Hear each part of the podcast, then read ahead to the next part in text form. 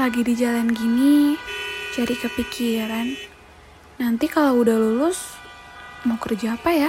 Jangan bingung dong, dengerin podcast 9 to 5.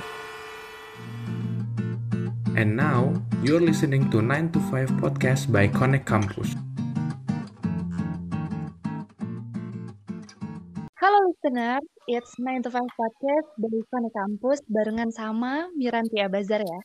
Nah, sekarang podcast Miranti Abazar ini uh, bakalan gak sendiri nih, bakalan ditemenin nih. Jadi beberapa waktu ke depan, aku bakalan ditemenin sama narasumber atau speaker yang ditunggu-tunggu banget sama Connect Campus nih. Jadi jadwalnya padat banget nih kayaknya ya. Kita panggil aja ya. Halo Kak Mansur. Halo Mira. Halo Gembira, apa kabar nih? Alhamdulillah baik nih, masih sehat. Alhamdulillah. Sehat, alhamdulillah harus ya, harus jaga kesehatan. Harus imunnya harus naik terus. Ini dia listeners Kak Mansyur Angklung. Buat teman-teman misalnya nggak tahu nih, uh, Mansyur Angklung, wah parah banget berarti nggak punya TV, nggak punya Instagram di rumah. Aduh. Boleh kita uh, sedikit perkenalan aja dulu, uh, biodata sedikit aja.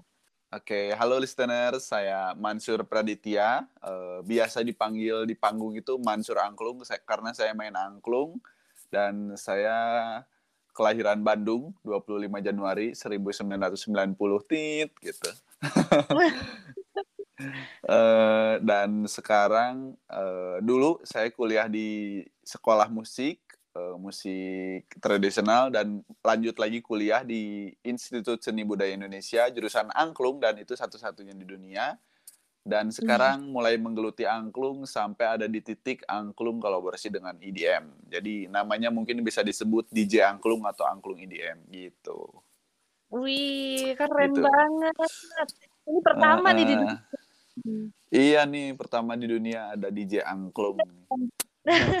bukan di Indo aja tapi di dunia nih listeners. Betul. Jadi um, di episode kali ini tuh uh, di bidang kreatif. Nah, Kone Kampus spesial banget ngundang Kak Mansur. Alhamdulillahnya tuh bisa ya. Alhamdulillah.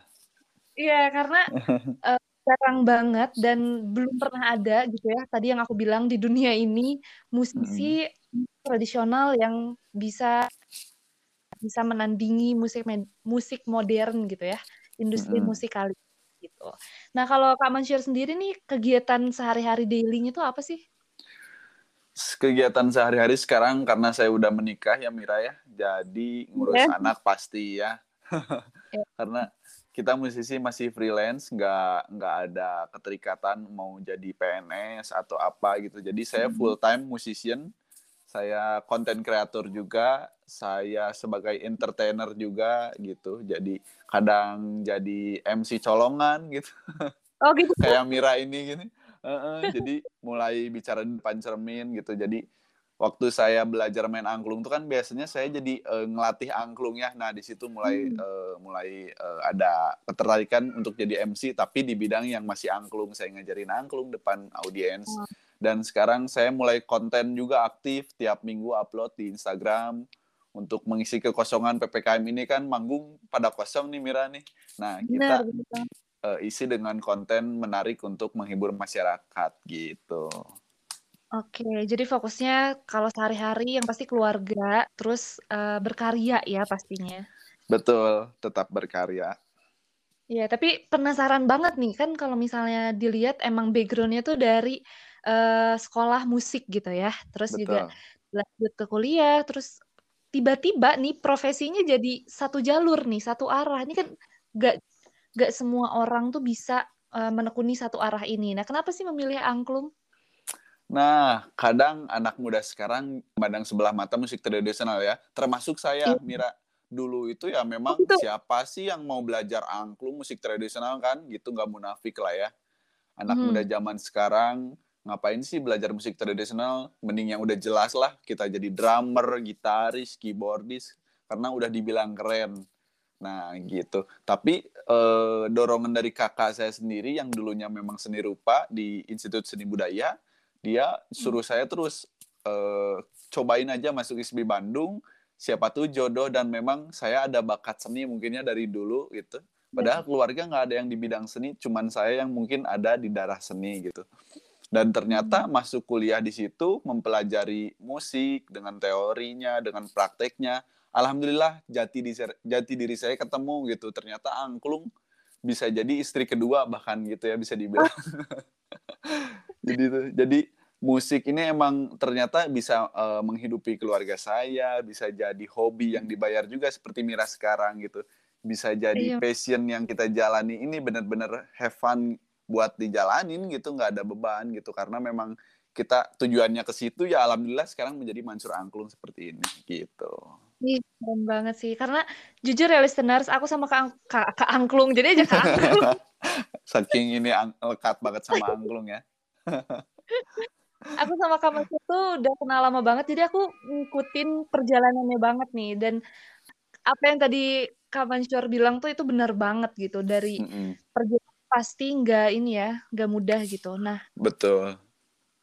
kira-kira nih di uh, perjalanan awal tuh kan pasti aja, pasti ada aja nih Kak yang uh, mungkin uh, menyepelekan, terus juga ya mungkin perjuangan setelah dikenal banyak orang gitu. Ada nggak sih pengalaman yang paling berkesan yang itu bikin memicu terus gitu, terus akan maju? Waduh, banyak banget kalau pengalaman paling berkesan, tapi mungkin yang bisa jadi acuan itu karena memang saya itu orangnya eh, ambisius ya bisa dibilang Mira, karena memang eh, suka sang- sangat suka perbedaan. Misalkan eh, banyak teman-teman saya circle pertemanan frekuensi saya itu menggeluti gitar misalkan ya. Nah, saya nggak Hmm. mau untuk menggeluti gitar karena memang sudah banyak yang jago gitu misalkan. Nah, karena saya dulu memang dari nol nggak bisa banget alat musik tradisional, nggak bisa banget alat musik barat waktu masuk SMK. Nah, menjadi acuan saya ternyata musik tradisional ini banyak apa masih sedikit yang menggeluti. Siapa tahu saya bisa jadi salah satu bintang yang mengisi slot di musik tradisional dan alhamdulillah sekarang tercapai gitu. Dan Ya Allah. yang tadinya dulu masih ingat dulu pertama kali manggung di salah satu wedding ya diajakin cuma dibayar 40.000 ribu itu latihan dua hari dari pagi sampai malam dibayar 40.000 ribu saya pegang Serius? apa ya waktu itu payung masih inget megang payung buat pengantin dibayar 40.000 ribu dan alhamdulillah sekarang bisa eh, berkali-kali lipat karena memang personal branding karena attitude yang kita bawa, karena relasi yang kita bawa, karena banyak kalah, banyak orang di sekeliling saya yang mendukung gitu. Intinya itu sih Mira. Wih. Aduh, aku merinding loh aku dengernya. Tapi Waduh. bener loh Kak, maksudnya ketika kita berani beda tuh eh, itu adalah tantangan tersendiri gitu buat diri kita sendiri. Dan Betul. kalau misalnya ya eh, Kak Mansur misalnya eh, mulai dari perbedaan itu akhirnya terpicu gitu ya. Tapi Ya. kita susah nggak sih Kak pertama kali nih, pas pertama kali terjun nih oke bakal difokusin, bakal menjadi profesi yang sekarang alhamdulillah. Tapi awal-awalnya tuh kejadian yang paling apa ya? Akhirnya nemu titik terang gitu. Oke, akhirnya maju terus, Ah. maju terus, maju terus, gitu, awal mulanya. Nah pasti sih semua ini kan nggak ada yang instan ya. Tapi Iya, dengan benar-benar. adanya kemauan yang kuat dan supporting yang sangat-sangat besar dari keluarga, dari teman-teman terdekat, dari handai taulan, dan lain sebagainya. Tapi yang terpenting dari diri sendiri sih. Teman-teman di sini punya passion tertentu, punya keinginan tertentu. Kalau misalkan teman-teman nggak kemauan kuat, ya udah pasti eh, kandas di tengah jalan. Tapi karena memang saya keinginan dari awal emang udah kuat, nah di situlah makin berjalan, mengalir, ternyata udah ketemu nih formula-formula yang tepat untuk dijadikan branding si Mansur Angklung ini gitu. Banyak banget perjalanannya. Oh, Mm-mm. panjang ya. Buku dong Panjang Kak, banget. Gimana? bikin buku. Iya ya, kayaknya kalau bikin buku bi- biografi of Mansur Angklung keren kayaknya. Keren banget. Aduh, belum tapi berani, belum berani. insya Allah ya akan datang Insya Allah, soon. semoga. Mm. Iya, terus kalau misalnya nih kan eh gak dipungkiri ya Kak, zaman sekarang tuh beberapa profesi baru tuh mulai bermunculan gitu. Salah satunya eh, sudah diakui masyarakat profesi itu ya pekerjaan yang tetap. Tapi jarang banget nih ada profesi seniman atau musisi gitu. Nah, menurut Hmm. Kak Mansyur kenapa sih gitu uh, harus uh, maju gitu sih musik tradisional ini di bidang uh, musisi atau seniman ini sendiri? Nah, iya sih kadang uh, kita juga misalkan teman-teman saya yang udah bergelut di bidang musik konvensional, musik barat gitu ya, kayak gitar, Mhm. bass, drum dan lain sebagainya masih diragukan gitu ya. Kamu mau jadi Iya. apa nanti gitu kan? Mungkin ada teman-teman Mira juga yang seperti itu mau jadi apa nanti? Kalau misalkan Mira punya pacar musisi nih, nanti orang tua Mira pasti nanya, "Kamu musisi mau jadi apa?" gitu kan. gitu. Tapi eh, saya tepis itu semua. Musik tradisional malahan bisa di atas rata-rata, bisa melebihi musik konvensional. Karena kenapa? Musik tradisional ini hanya segelintir orang yang menggeluti, hanya Indonesia yang paling jago gitu ya. Kalau saya main angklung ya, mungkin saya aja yang jago orang Malaysia, orang eh, Singapura, orang Amerika nggak akan bisa. Otomatis itu membawa saya bisa keluar negeri juga, bisa dikenal luas di Indonesia, di Jawa Barat, bahkan di dunia gitu. Dan eh, temukan jati diri kamu sampai kamu menemukan formula yang tepat. Itu sih. Aduh, tapi gini ya Kak, maksudnya gak banyak orang tuh yang bener-bener passion gitu. Mungkin kalau Kak Mansyur mungkin dianugerahi passion yang udah Iya. nih, udah cocok di musik tradisional dan memilih angklung gitu pada akhirnya. Tapi Betul. sebagian banyak kita nih, terutama nih Kak ya, aku mau cerita pengalaman pribadi aku sebagai anak Hmm. Arumba nih. Jadi, Heeh. Oh iya pernah ya Mira ya? iya. Wah ternyata. Iya, jadi itu tuh susah banget Kak bagi angkatan aku, terus kayak bagi mungkin eh, ya bisa dibilang generasi Z gitu ya, generasi Iya. milenial tuh susah banget menjalani atau menghi- melihaikan di musik tradisional tuh gitu. Iya. Jangan angklung gitu.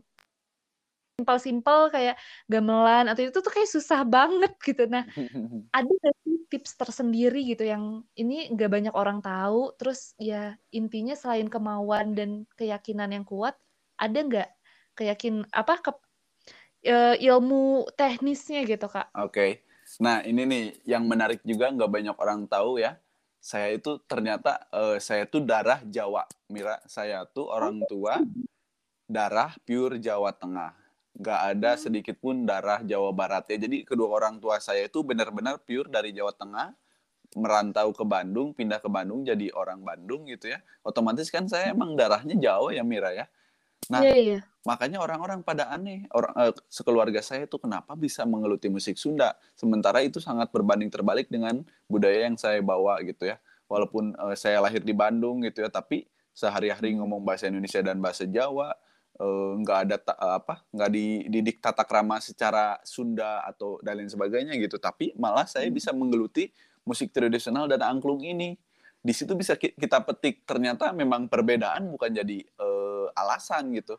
Perbedaan suku ras agama nggak jadi alasan buat kalian eh, apa nggak bisa eh, mengejar cita-cita yang kamu inginkan. Misalkan eh, teman saya pun pemain suling nih ya dia pemain suling tapi suka banget eh, 420 kenapa enggak iya? dia cover cover lagu 420 dan akhirnya dia juga bisa eh, hampir eh, menyaingi saya gitu ya.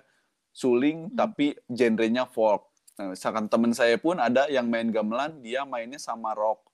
Mereka juga kadang bisa menembus batas yang tadinya mereka hanya mengiringi di wedding hanya mengiringi di satu acara tapi sekarang mereka bisa jadi artis yang bisa dikenal luas gitu sih intinya banyak Keren. banget Heeh.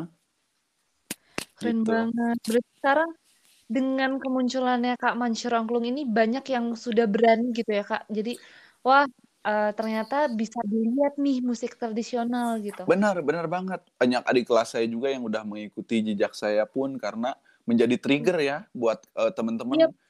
Kayak Mira juga sekalipun belajar arumba karena mungkin ya perempuan ya tapi kalau Iya. misalkan laki-laki main arumba pasti bisa lebih sukses karena memang itu kan arumba perkusi ya kalau untuk Benar. perempuan agak sulit deh kayaknya gitu tapi kalau misalkan kemauan kuat ya pasti gitu Keren banget. Berarti bisa bersaing gitu ya. Mulai ada iya musisi-musisi tradisional. Tapi emang bener sih Kak, tadi aku tertarik sama statement Kak Mansyur yang katanya kalau misalnya ada gathering internasional gitu ya, iya kita bawain alat musik dan musisi tradisional. Jadi nggak akan ada yang sama, nggak akan ada. Jadi punya Betul. identitas sendiri. Itu keren banget sih. Iya, betul. Jadi nggak cuma mengharumkan Indonesia aja gitu ya. Jadi Iya, nge-brand alat musiknya sendiri, budayanya juga sendiri. iya. Dan otomatis si orang yang memainkan pun bakalan naik juga gitu. Oke, tapi Mm-mm. sejauh ini Kak, kan kalau misalnya eh, kalau dilihat dari ilmu psikologi gitu ya, kalau Hmm. misalnya kita eh, sudah dikenal banyak orang gitu, terus em, ya kita sudah mulai kebanjiran job gitu, pengalaman Kak Mansur sendiri eh, apa ya, kayak mengatasi atau ya mengatasi orang-orang yang mungkin dulunya menyepelekan, terus tiba-tiba datang itu kayak gimana? Karena Aduh, Mm-mm. itu apa ya kebutuhan mental ya kak kalau misalnya betul. sukses di jalan yang berbeda gitu kebutuhan mental tuh suka dijatuhin gitu loh kak nah itu Pasti. gimana dari kak dari kak Mansur sendiri Iya, ini emang fenomena umum ya, eh, manusiawi ya. Yang tadinya misalkan kita di SMK bareng-bareng, malahan saya tuh diajarin sama salah satu teman saya yang Mhm. yang tadinya sombong banget, mau ngajarin juga susah gitu ya. Tapi sekarang dia salut dengan saya, dia bisa eh, malah minta kerjaan ke saya, ada yang gitu ya kadang orangnya. Nah, tapi intinya saya bis, eh, bisa dibilang orangnya ng- eh, nggak kacang lupa kulit. Jadi saya tahu Oke. gimana perihnya berjuang untuk melestarikan musik tradisional ini, gimana caranya eh, survive untuk bisa seperti sekarang ini. Jadi saya selalu membawa teman-teman saya yang berjuang dari nol. Jangan pernah sepelekan teman yang ada di circle kamu, apalagi yang kadang orang nggak nggak care, tapi teman-teman kamu yang bisa mensupport kamu, yang nggak bikin kamu jatuh, yang nggak sirik sama kamu itu sangat harus di treatment banget tuh teman tuh, banyak ditraktir intinya mah ya. berbagi ya berbagi, Berbagi rezeki. dong, betul. Mm-mm, sudah menemani gitu Sudah menemani dari nol gitu kan, gitu Mira. Iya, alhamdulillahnya punya circle yang good vibes gitu nggak yang amburadul Kalau yang gitu udah unfollow, ada banyak banget yang udah saya unfollow, unfollow, unfollow, block. Udah jangan diinget lagi temen yang kayak gitu, pasti udah toxic gitu. bener banget tuh listeners denger ya Tapi aku tadi tertarik juga nih, kan eh, menggabungkan si eh, angklung ini dengan musik EDM. Itu Mm-mm. gimana tuh? Bisa diceritain kan? Kayak Nah. "Hah, emang bakal, gitu, emang bakal balance? Oh, emang bakal gimana gitu jadinya? Iya, nah ini menarik juga karena Mira tahu ya kok, kok- apa siapa musisi atau DJ yang kolaborasi sama saya waktu pertama kali. Eh, waktu saya ketemu sama musik elektronik ini, waktu saya ditugaskan oleh Dinas Kebudayaan dan Pariwisata Kota Bandung untuk perform menampilkan angklung di Jepang. Nah, yang Wih. menariknya musik elektronik saya pertama ketemu dengan salah satu DJ muda, sangat muda. Dia waktu itu masih 14 tahun, namanya DJ Ari Irham, pasti tahu lah ya. Iya, Ya, waktu itu masih 14 tahun dia. Saya dipertemukan yang tadinya saya pun menyepelekan DJ, malah saya pun menyepelekan DJ karena stigmanya yang negatif ya, Mira tahu sendiri. DJ dengan dunia malam, dengan minuman keras, dengan eh, apa? Yang asal pencet gitu ya kelihatannya gitu ya. Kalau orang awam DJ itu ya asal ngeplay musik la- musiknya jalan, dia nggak main apa-apa. Tapi ternyata enggak kan, nggak seperti itu. Nah, di situ saya bertemu di Jari Raham, dia bikin musik keren banget dan kita tampil di Jepang saat itu membawakan sekitar 6 lagu dan alhamdulillah dari 80 negara yang mewakili Indonesia terpilih sebagai penampil terbaik. Tepuk tangan buat Indonesia. Uh. Keren banget. Iya, Terus nah di situ setelah di situ kita amazed gitu ya dengan eh, orang-orang Jepang yang ternyata eh, sangat-sangat kagum dengan penampilan kita. Nah, setelah balik ke Indo, eh, manajemen Ari Raham dengan eh, saya berkolaborasi lagi untuk dilanjutkan sampai sekarang gitu. Dan jadilah sekarang Ari Irham ex Mansur Angklung atau bisa dibilang sekarang nama grupnya Future Ethnic dan saya pun menggeluti musik eh, EDM dan angklung ini sebagai solois namanya Mansur Angklung. Gitu Mira perjalanannya. Aduh, keren banget. Ini bisa jadi bisa dibilang ini pro pelopor ya, apalagi Iya, bertamu ke negeri orang gitu. Mm-mm. Super banget sih beneran. Iya, negeri yang benar-benar diidamkan oleh orang juga ya. Pengen banget ke Iya. Jepang, pengen banget ke Jepang gitu. Bener Aduh. banget. Duh, udah rezekinya tuh ya kak ya. Mm-mm. Gitu. Tapi kalau misalnya nih, ada misalnya ada beberapa adik tingkat Kamansyur atau mungkin yang di luar eh, satu kampus gitu di fakultas lain, di kampus lain, di pulau lain gitu.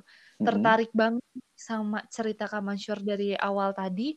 Nah, kira-kira ada apa ya tips selain em, yakin tadi tips lain gitu kayak mungkin harus belajar teknik dasar atau kayak Oke. gimana Nah, ini menarik juga buat teman-teman. Banyak banget yang nanya di saya di DM, di mana kah setiap saya perform dengan siapa. Misalkan kemarin dengan Atta Halilintar pun banyak banget iya. fansnya yang minta private dan lain sebagainya dan cara main angklung. Saya tekankan sekali lagi di sini buat listeners, main angklung ini sangat sangat sangat sangat sangat mudah ya. Wah, banyak banget sangatnya ya. Karena Mira pun eh, merasakan sendiri angklung ini memang mudah gitu ya kalau kita Iya. mainkan secara bersama gitu ya. Tapi Mhm. kalau untuk yang solo, teman-teman ya kalau misalkan eh, pengen banget belajar dan mi- jadi hobi atau bahkan jadi profesi, teman-teman beli dulu angklungnya. Setelah itu biasakan untuk dimainkan setiap hari. Karena bisa itu karena biasa itu nggak munafik kan. Kenapa Iya teman-teman eh, atau Mira sekalipun bisa jadi MC seperti sekarang karena mungkin sering ngobrol di depan cermin gitu kan. Nah, begitupun Iya, iya. main musik. Kenapa eh, pianis terkenal atau keyboardis atau gitaris karena dia selalu memegang gitarnya atau keyboardnya setiap hari di rumahnya untuk mengupgrade skill, memperluas wawasan dan lain sebagainya. Begitupun dengan musik tradisional atau angklung ini, kita bakalan bisa untuk kita biasakan karena budaya adalah kebiasaan yang berulang-ulang. Itu adalah arti dari budaya dan budaya itu eh, subnya dari seni. Jadi intinya kalian kalau pengen hidupnya lebih indah ya kita pelajari seni gitu.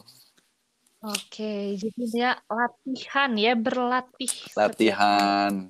Tapi kan kalau misalnya musik tradisional dia Kak, setahu aku tuh ada pakem-pakemnya sendiri gitu loh. Nah, Mm-mm. biasanya kalau yang awam kayak misalnya aku terus teman-temanku gitu mau tertarik tapi nggak bisa buta banget. Nah, Mm-mm. solusinya tuh apa? Dan belum banyak juga kan kayak di YouTube tutorialnya dan Betul. segala macam didak gitu. Nah, sebenarnya kalau kalian eh, punya keinginan kuat juga, setiap kota tuh sebenarnya udah punya angklung. Kalau bisa dibilang, apalagi kita yang base-nya Bandung atau Jawa Barat ya. Iya, iya. Setiap eh, kom- di kota mana pun sudah ada komunitasnya atau sanggarnya. Teman-teman tinggal berkonsultasi aja bareng mereka. Gimana caranya supaya teman-teman bisa mempelajari atau bahkan menjadi profesi gitu, teman-teman tinggal sharing aja bersama mereka. Dan apabila sekarang pandemi, ya tahu sendiri kan nggak boleh kerumunan dan lain sebagainya, eh, teman-teman cari jejaring sosial yang bisa mumpuni gitu ya, misalkan di YouTube, searching aja tutorial main angklung, karena dosen saya pun sudah membuatnya namanya Bapak Teguh, bisa di searching aja.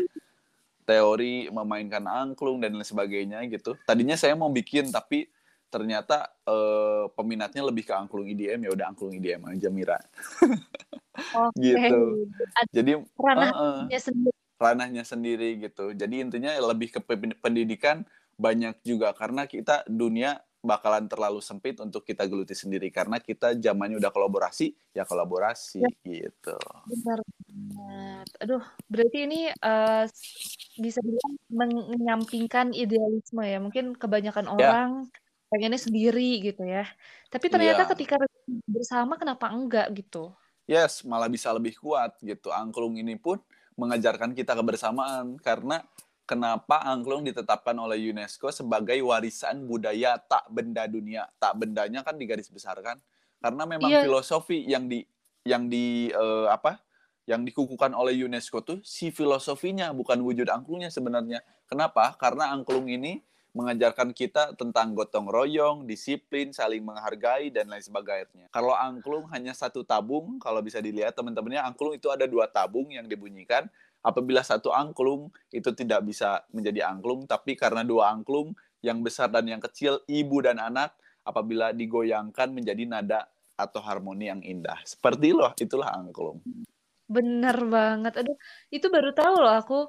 Ternyata yang di garis bawahi itu ada filosofinya gitu. Betul banget. Nah, buat teman-teman nih pasti banyak banget ilmu baru nih ya dari obrolan ini. Terima kasih loh, Kak. Hmm, sama-sama, Mira. Dan kalau misalnya nih, um, banyak kan uh, apa ya, bisa dibilang karya-karya baru bermunculan gitu. Entah itu karya uh, instrumental atau yang ada liriknya gitu ya, lagu gitu. Nah, tertarik nggak kira-kira Kak Mansur ini bikin satu karya yang keluar dari zona nyamannya? Nah, ini juga menarik karena apabila teman-teman juga sering dengerin Spotify atau Joox atau Apple Music, iTunes dan lain sebagainya, teman-teman kalau hmm. searching angklung pun sudah banyak lagu-lagu angklung gitu ya yang uh, sudah dipublisher. Nah, apabila untuk uh, angklung IDM sendiri, alhamdulillah baru saya dan sudah mengeluarkan lima lagu kolaborasi dengan DJ Ari uh, uh, Henry Firstia, uh, Dr. Joe dan masih banyak lagi bisa dicek aja di Spotify atau Jux Mansur Angklung nanti keluar banyak lagunya. Tapi untuk single solo saya Mira, Insya Allah nanti bulan November ini saya bakal mengeluarkan rilis uh, single terbaru saya yang benar-benar saya solo gitu di okay. tanggal 16 November 2021 bertepatan dengan Hari Angklung Sedunia itu gitu. Catat listeners ya, catat ya. Catat. Jangan ketinggalan. Wih, keren banget Kak, semangat. Gimana persiapannya udah berapa persen? Ini masih 30 lah, karena masih dua bulan nih, karena tadinya kita mau benar-benar off air, tapi kita pikirin lagi takut PPKM diperpanjang sampai 2025 ya. jadi Waduh. jadi kita ancang-ancang untuk hybrid. Jadi kita di salah satu kafe di Kota Bandung namanya Critical Eleven pengennya di situ kita adakan uh, offline dan online gitu. Mendatangkan kira artis tanah air juga. Oke, kira-kira berbayar nggak kak? Spoiler dulu deh, spoiler biar nggak dong. nggak berbayar. Paling uh, teman-teman harus uh, pesan makanan atau minuman di salah satu oh. kafenya itu gitu. Karena kan uh, kita saling kolaborasi ya antara tempat, venue dan lain sebagainya gitu. Wih, semoga lancar ya Kak persiapannya sama Amin. tim. Mira nanti diundang ya. Yeay. Mira diundang harus datang pokoknya. Asik, thank you. Mm banget pasti. Nih ada kita balik lagi nih ke obrolan karena seru banget. Kalau misal nih Kak, pasti ada adaptasi yang mungkin susah gitu ya. Karena ini musiknya beda sendiri nih Kak. Gak memungkiri hmm. dong aduh susah adaptasi di uh, bagian ini gitu di circle ini atau di uh, tahap ini adaptasinya tuh sulit kesulitannya gitu. Nah untuk adaptasi malah saya mengikuti uh, perkembangan zaman sekarang karena memang sekarang lagi zamannya musik elektronik ya Mira semua yeah, musik yeah. hampir oleh oleh elektronik gitu kan Bener. apalagi sekarang platform digital sangat-sangat uh, mendukung untuk kita berkarya di bidang itu gitu. Mm-hmm. Seperti TikTok, Instagram dan sekarang ada Instagram Reels, ada yep. juga uh, apa? aplikasi Facebook dan Twitter yang sekarang lagi hype lagi. Kita bisa mm-hmm. uh, mengendalikan platform itu menjadi satu kekuatan kita gitu.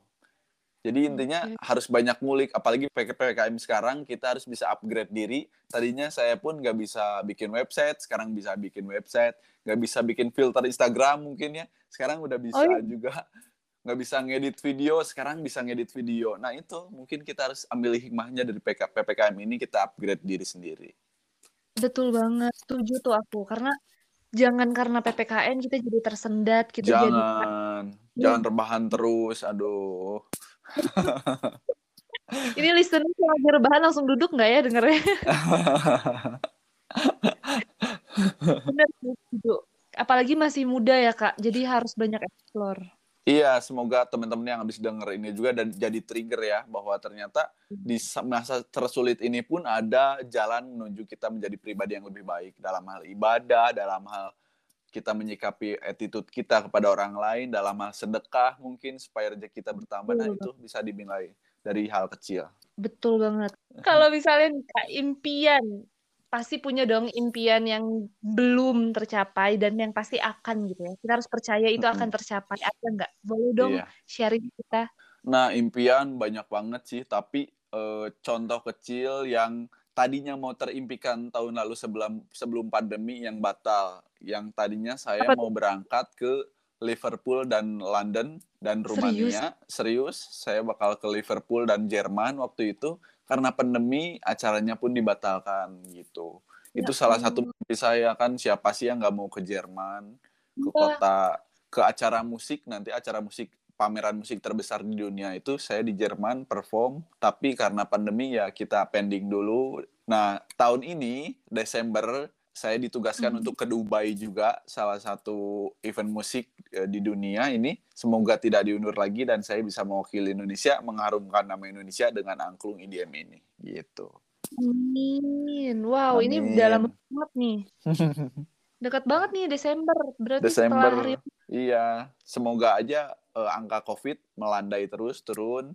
Semoga kita iya. jadi berangkat ke sana gitu. Dengan tentunya protokol kesehatan yang sangat-sangat ketat. Iya, benar harus ini ya, harus tetap prokes di mana pun berada. Tetap. Semoga terkasih dan benar ya, gak di reschedule terus gitu. Karena Amin. Setuju ya Kak, kita kan udah kangen banget karya-karya anak bangsa yang bener-bener iya. out of the box gitu. Karena kebanyakan tuh banyak-banyak berita yang tidak mewaraskan gitu akhir-akhir ini tuh kayak aduh kayak ke mana nih konser musik gitu merasa iya. kehilangan sekarang udah makin bosen nonton virtual kan pengennya ngerasain hmm. vibesnya gimana dengerin konser pensi SMA gitu kan aduh ya.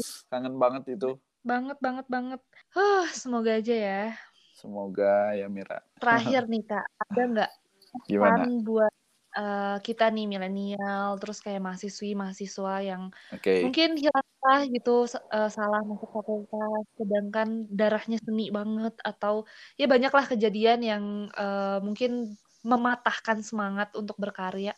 Boleh dong okay. apalagi mengajak di industri musik uh, tradisional ini. Oke. Okay.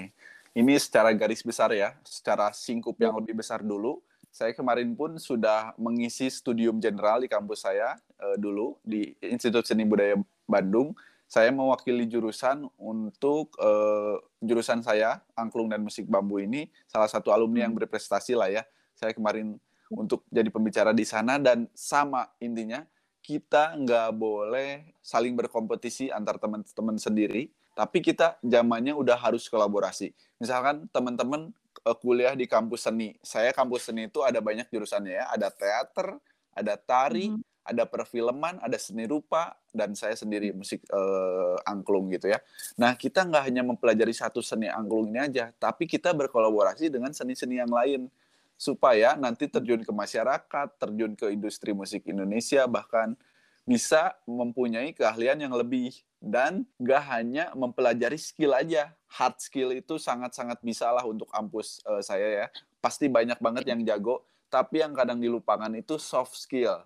Teman-teman di dunia ini mau jurusan apa pun mau Vkom mau hukum apa kalau soft skill kalian jelek pasti hard skill kalian gak akan kepake. Soft skill itu mulai dari attitude mulai dari kerajinan kalian kuliah uh, yep. apa kepatuhan kalian kepada dosen, uh, kebersihan kalian dalam uh, apa kuliah sehari-hari gitu ya itu itu kadang uh, cerminan diri kita bahwa ternyata di masa depan pun kita harus bisa seperti itu gitu. Kita harus maintain diri sendiri bahwa ternyata nanti tuh kalau kita terjun ke masyarakat bakalan jadi panutan loh gitu bakalan jadi role model loh gitu. Kalau misalkan kita jadi artis atau jadi satu sosok yang uh, menginspirasi bakalan jadi seperti saya sekarang, saya nggak boleh salah langkah gitu. Apa yang saya posting, apa yang saya bisa lakukan, saya bakalan harus bisa bermanfaat untuk Indonesia, untuk masyarakat luas. Gitu, Mira. Betul banget. Oh, intinya